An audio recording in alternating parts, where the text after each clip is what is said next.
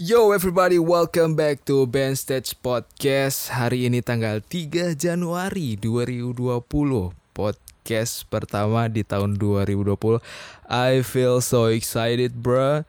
Hari ini cuacanya cukup mendung gitu ya Mendung-mendung sendu. Cocok banget untuk kita saling sharing-sharing pada episode ke-26 kali ini.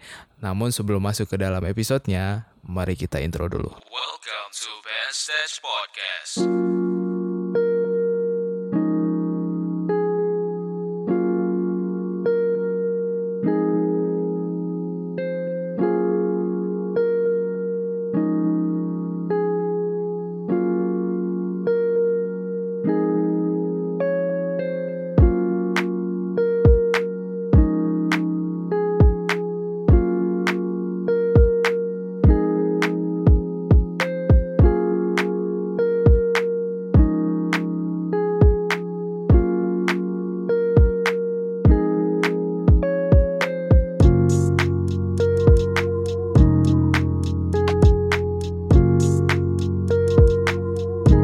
Cuaca yang saat ini mungkin eh, sangat ekstrim gitu ya. Di tempat saya di kota Sorong ini cuacanya pun cukup cukup ekstrim yaitu kadang panasnya nggak kira-kira gitu ya.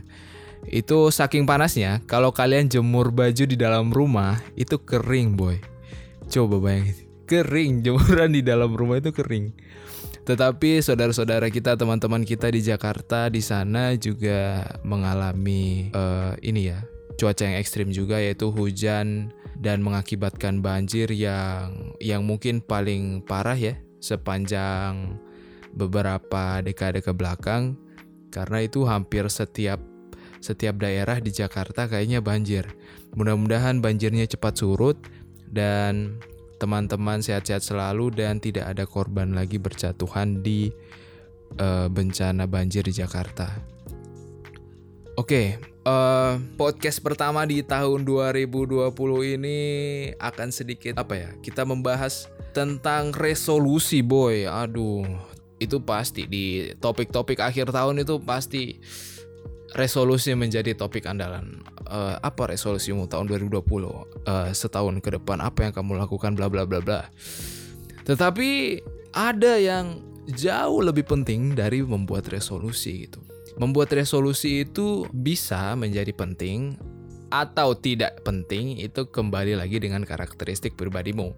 Kalau misalnya kamu adalah orang yang butuh tujuan, butuh langkah-langkah atau detail-detail yang harus kamu lewati, membuat resolusi ya bisa menjadi sebuah keharusan. Karena kalau kalian tidak membuat resolusi, ibaratnya hidupnya akan terombang-ambing karena mindset tadi harus membuat resolusi. Tetapi kalau kamu misalnya adalah orang-orang yang suka banget improvisasi atau mungkin saat ini belum membuat resolusi, itu akan menjadi sesuatu yang sulit ya karena kita nggak nggak tahu, kita nggak nggak ada gambaran tentang diri kita di masa yang akan datang.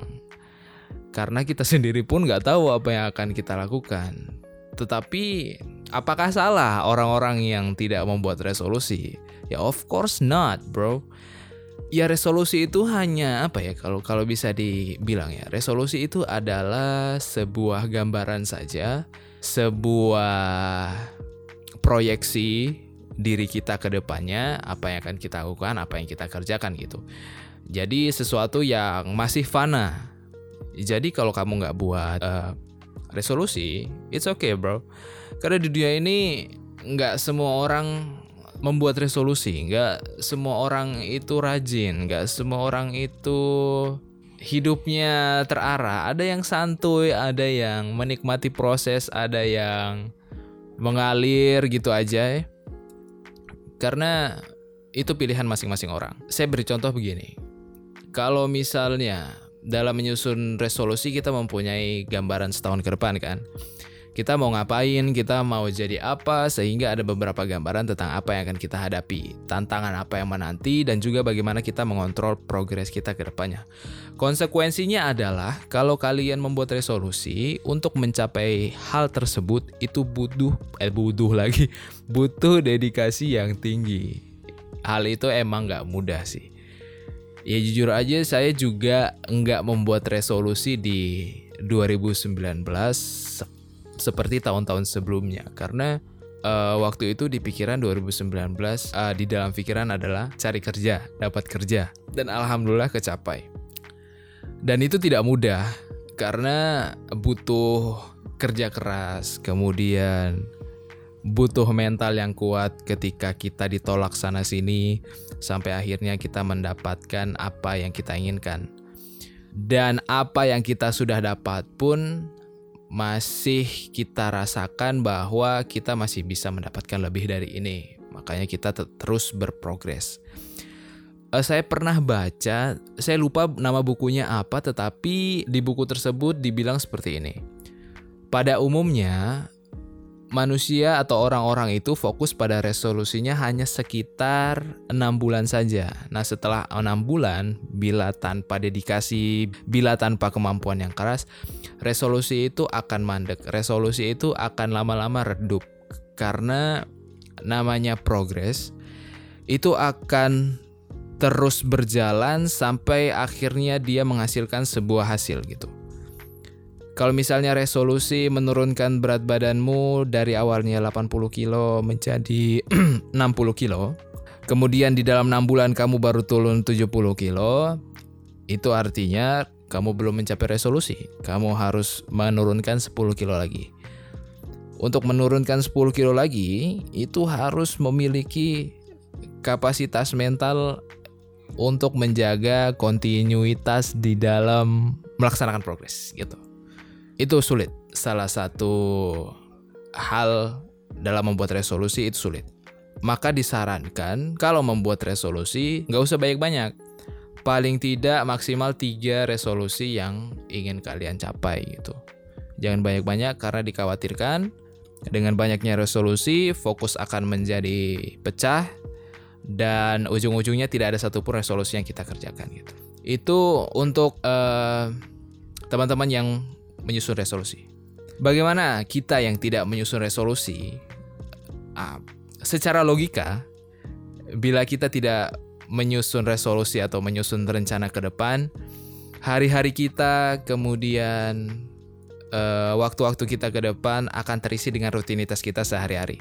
Mungkin saja teman-teman pada saat ini mendapatkan pekerjaan atau suatu kesibukan sehingga bisa jadi resolusi itu berubah menjadi bentuk tantangan baru yang menjelma dalam tugas-tugas kantor. Jadi kita merasa nggak perlu menyusun resolusi karena kita mempunyai tanggung jawab di kantor yang sekiranya merupakan challenge buat kita. Jadi kita merasa apa ya, tetap berprogres eh, melalui tugas-tugas kantor yang menanti.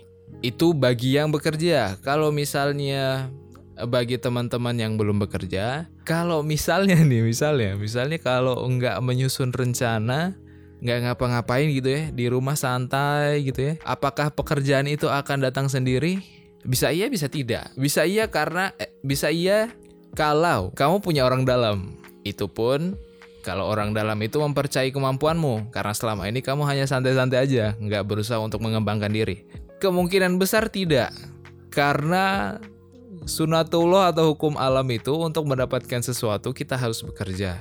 Wong eh, Bunda Maryam saja yang lapar di bawah pohon kurma sudah lelah melahirkan Nabi Isa alaihissalam harus menendang pohon kurma itu baru bisa jatuh buahnya. Jadi kalau misalnya kita eh, tidak menyusun resolusi, paling tidak kita tahu langkah ke depan kita bagaimana. Kalau misalnya kita belum bekerja dan berniat untuk membangun usaha, cobalah untuk meriset atau cobalah untuk belajar tentang kewirausahaan. Kalau misalnya eh, masih ingin untuk bekerja, cobalah untuk melamar pekerjaan. Jadi mungkin jadinya akan lebih fokus gitu ya, akan lebih fokus terhadap eh, tujuan-tujuannya karena tujuan tersebut hadir ketika kita stuck atau kita tidak eh, apa ya kita tidak eh kita mendapatkan sebuah masalah itu juga berlaku pada teman-teman yang sudah bekerja ya mungkin sekarang kita nggak merasa Kita merasa hari-hari kita menyenangkan, hari-hari kita penuh dengan tantangan, sampai kita menemukan sebuah titik jenuh di dalam pekerjaan kita, atau misalnya di tengah perjalanan kita menemukan sebuah masalah. Nah, masalah ini atau titik jenuh ini akan mendatangkan pikiran-pikiran baru. Nah, pikiran-pikiran baru ini yang bisa menjadi tujuan kita, bisa menjadi sebuah resolusi, atau menjadi sebuah apa ya? Ya tentu saja akan menjadi sebuah ganjaran, eh gan, bukan ganjaran, pengga, peng, penghadang di tengah jalan gitu. Nah, ketika masalah dan titik jenuh ini datang, kita masih punya dua pilihan nih. Yang pertama, pilihan hadapilah masalah tersebut. Jadi masalah ketika datang, pilihan pertama adalah hadapin. Yang kedua, kabur dari masalah. Saya sarankan untuk memilih pilihan yang pertama karena dengan menghadapi sebuah masalah, kita memberikan kesempatan ke diri kita untuk membuktikan kemampuan kita bahwa ternyata kita bisa menyelesaikan masalah kita sendiri. Bahwa kita bisa belajar sabar, bahwa kita bisa belajar menghargai proses, bahwa kita belajar sesuatu hal yang baik itu harus diperjuangkan. Tetapi kalau teman-teman memilih yang kedua, kabur dari masalah, memang bisa melegakan pikiran, namun itu hanya hitungan waktu.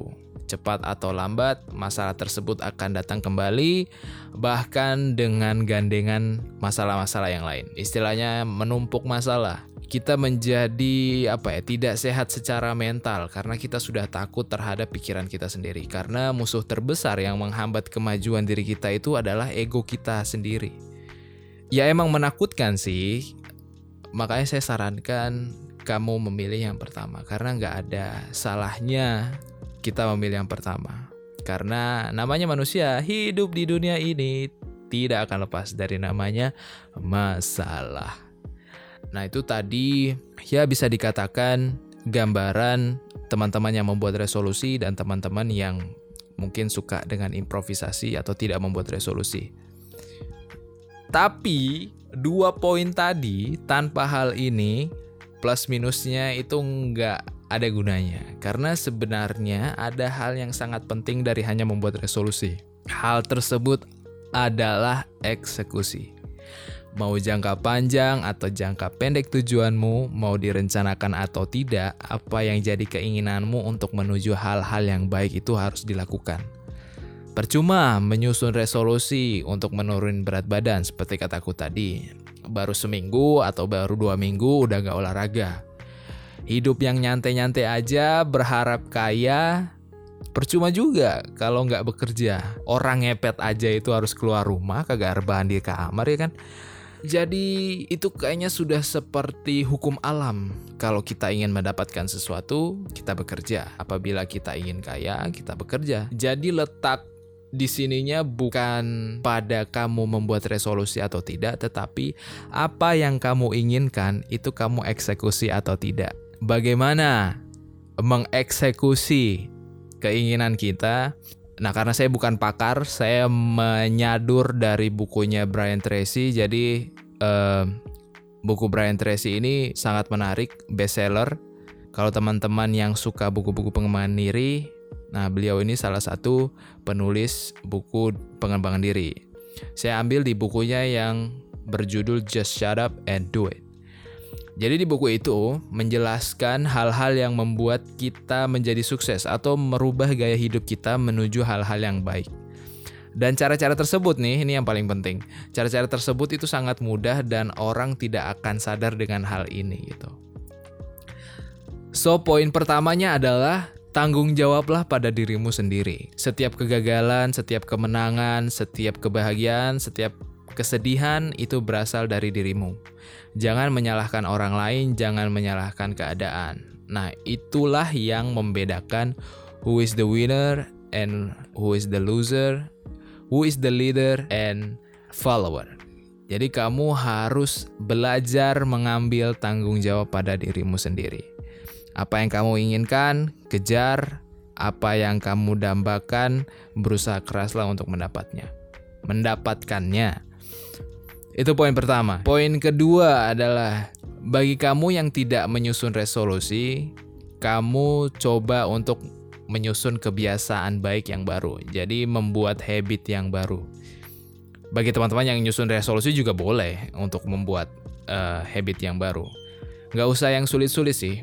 Uh, cukup misalnya setiap bulan sisihkan uang tabungan 200 ribu misalnya. Atau tidak setiap hari dahulukan emosi positif untuk diserap olehmu. Kemudian uh, berhenti untuk menyalahkan orang lain setiap ada masalah-masalah atau hal-hal yang tidak kamu sukai.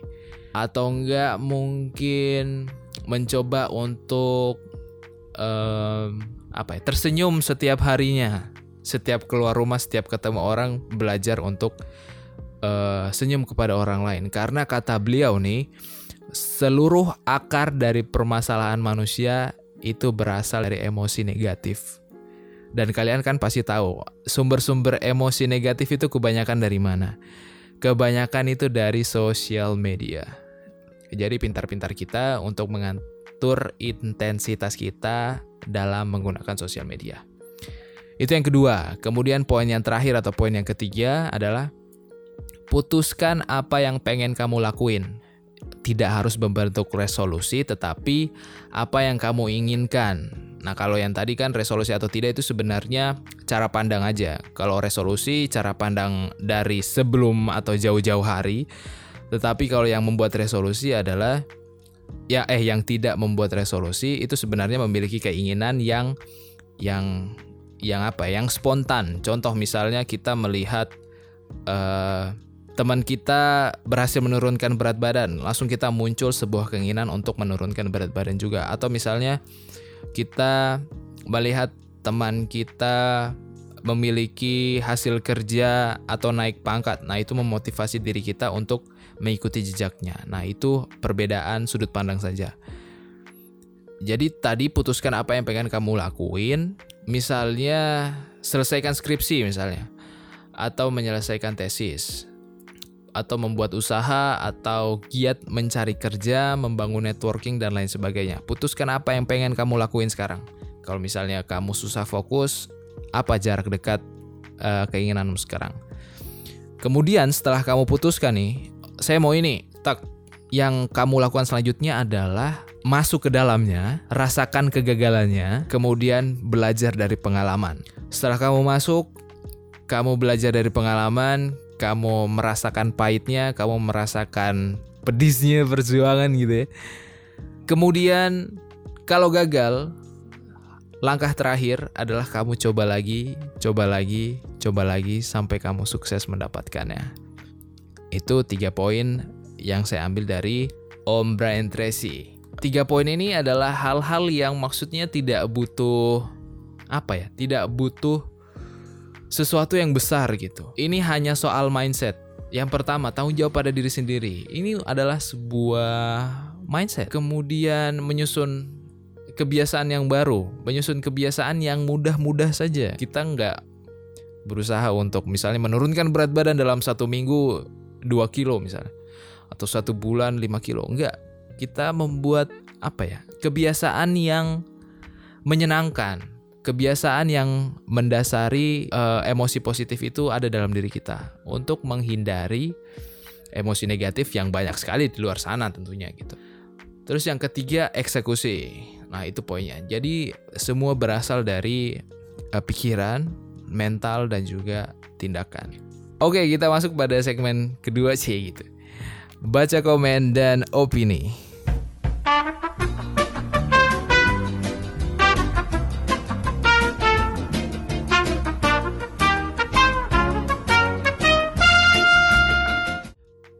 Beberapa hari yang lalu, nggak beberapa hari sih, beberapa jam yang lalu, sekitar hari hari apa ya, hari Rabu malam gitu ya, saya memberikan beberapa survei kecicilan gitu ya sama teman-teman di Instagram. Uh, sebelumnya saya ucapkan terima kasih buat teman-teman yang sudah membantu survei ini karena biasanya saya dengan Gigi itu akan merangkum pendapat teman-teman, opini teman-teman yang masuk ke dalam Instagram yang kemudian menjadi bahan untuk kita sharing bersama-sama di podcast berikutnya. Nah, yang pertama ini saya menanyakan tentang apakah buat resolusi itu penting.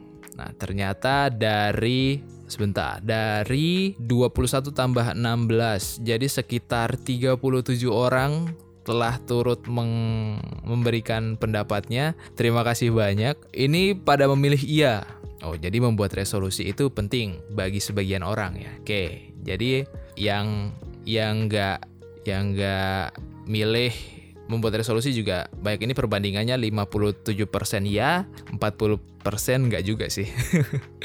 itu yang pertama. Kemudian yang kedua, saya menanyakan, resolusi 2019 sudah tercapai? Nah, di sini ada 38 orang yang mengikuti survei ini dan hasil angketnya 14 orang memilih di bawah 30% progresnya. Jadi sekitar 37% dari hasil angket. Kemudian kebanyakan bilang ya lumayan lah 63%. Oke, lumayan. Berarti eh, progresnya ada, alhamdulillah. Kemudian yang terakhir nih, gimana caramu menghadapi tiap tahun? Nah, ini banyak banget pendapat akan saya baca. Yang pertama dari Mas Gama Nurwanto. Jadi Mas Gama bilang buat rencana jalanin jika terlaksana berarti doa ibu sedang bekerja. Jika tidak buat rencana B. Jadi Mas Gama ini kayaknya orang yang menyusun resolusi sih. Dari katanya buat rencana jalanin terlaksana eh, doa ibu sedang bekerja jika tidak buat rencana B. Oke, it's good bro. Em, karena ya tentu kita butuh rencana. Kemudian dari Muhammad Nur Fauzi, bagaimana menghadapi setahun ke depan dengan santuy?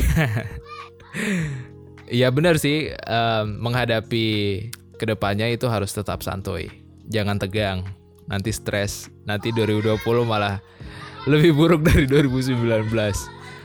Oke, dengan santuy. Kemudian ada HW, gimana cara menghadapi tiap tahun adalah resolusi membuat saya menghadapi tiap tahun lebih terarah dan jangan lupa bersyukur. Ya, memang hal yang paling penting dalam membuat resolusi adalah arahnya. Kalau misalnya kita orang yang harus memiliki arah gitu ya, orang yang harus memiliki visi, resolusi itu akan sangat-sangat penting. Dan benar sekali kita harus bersyukur. Kemudian ada Chandra Manalu. Nah, Chandra Manalu, gimana cara mau menghadapi tiap tahun? Caranya dengan awali dengan semangat, gimana ke ke depannya urusan nanti. Oke, siap. Ini semangat-semangat yang yang bagus untuk yang tidak menyusun resolusi nih. Jadi dia nggak kayaknya nggak nyusun resolusi, tetapi semangat aja ngejalanin hidup gitu. Nah, yang yang parahnya nggak nyusun resolusi, nggak semangat, nyantai-nyantai aja, terus pengen kaya. Nah, itu yang sulit gitu loh. Oke, thank you Chandra Manalo. Kemudian ada Fafa Ulfa. Oke, Fafa Ulfa ini beliau sedang sedang ini ya. Nah, beliau ini bekerja juga. Jadi beliau kata gimana caramu menghadapi tiap tahun hampir sama seperti tahun sebelumnya. Iya nggak masalah. Hampir sama setiap tahunnya karena mungkin tantangan kita itu bukan bukan membuat resolusi tetapi tantangan kita ada di kehidupan sekitar kita. Misalnya yang tadi eh, dalam bekerja kemudian dalam mengurus rumah apalagi sudah punya adik. Jadi tentu banyak tantangan yang yang membuat kita juga ya bersyukur mendapatkannya gitu. Kemudian dari ya Allah ini ini ada orang bantu follow akun aku ya thank you. Kok nyasar di survei ini gitu loh Kemudian eh, beberapa teman dari Muhammad Rizal, kemudian Kukuh Adi Prakoso ini sama, jadi mereka memilih membuat planning ya. Jadi Muhammad Rizky men- menghadapi tiap tahun dengan membuat planning, setiap tahunnya harus bisa mencapai planning tersebut. Oke, kalau Kukuh tadi em, dia lebih mengarah ke sugesti. Jadi caranya untuk menghadapi tiap tahun adalah membuat target dan sasaran pada tiap tahun. Oke. Kemudian ada Gegi. Nah, ini Ibu Gegi nih. Ibu Gegi cara menghadapi tiap tahun adalah just keep going, selesaikan tugas dan kewajiban satu persatu. Betul sekali.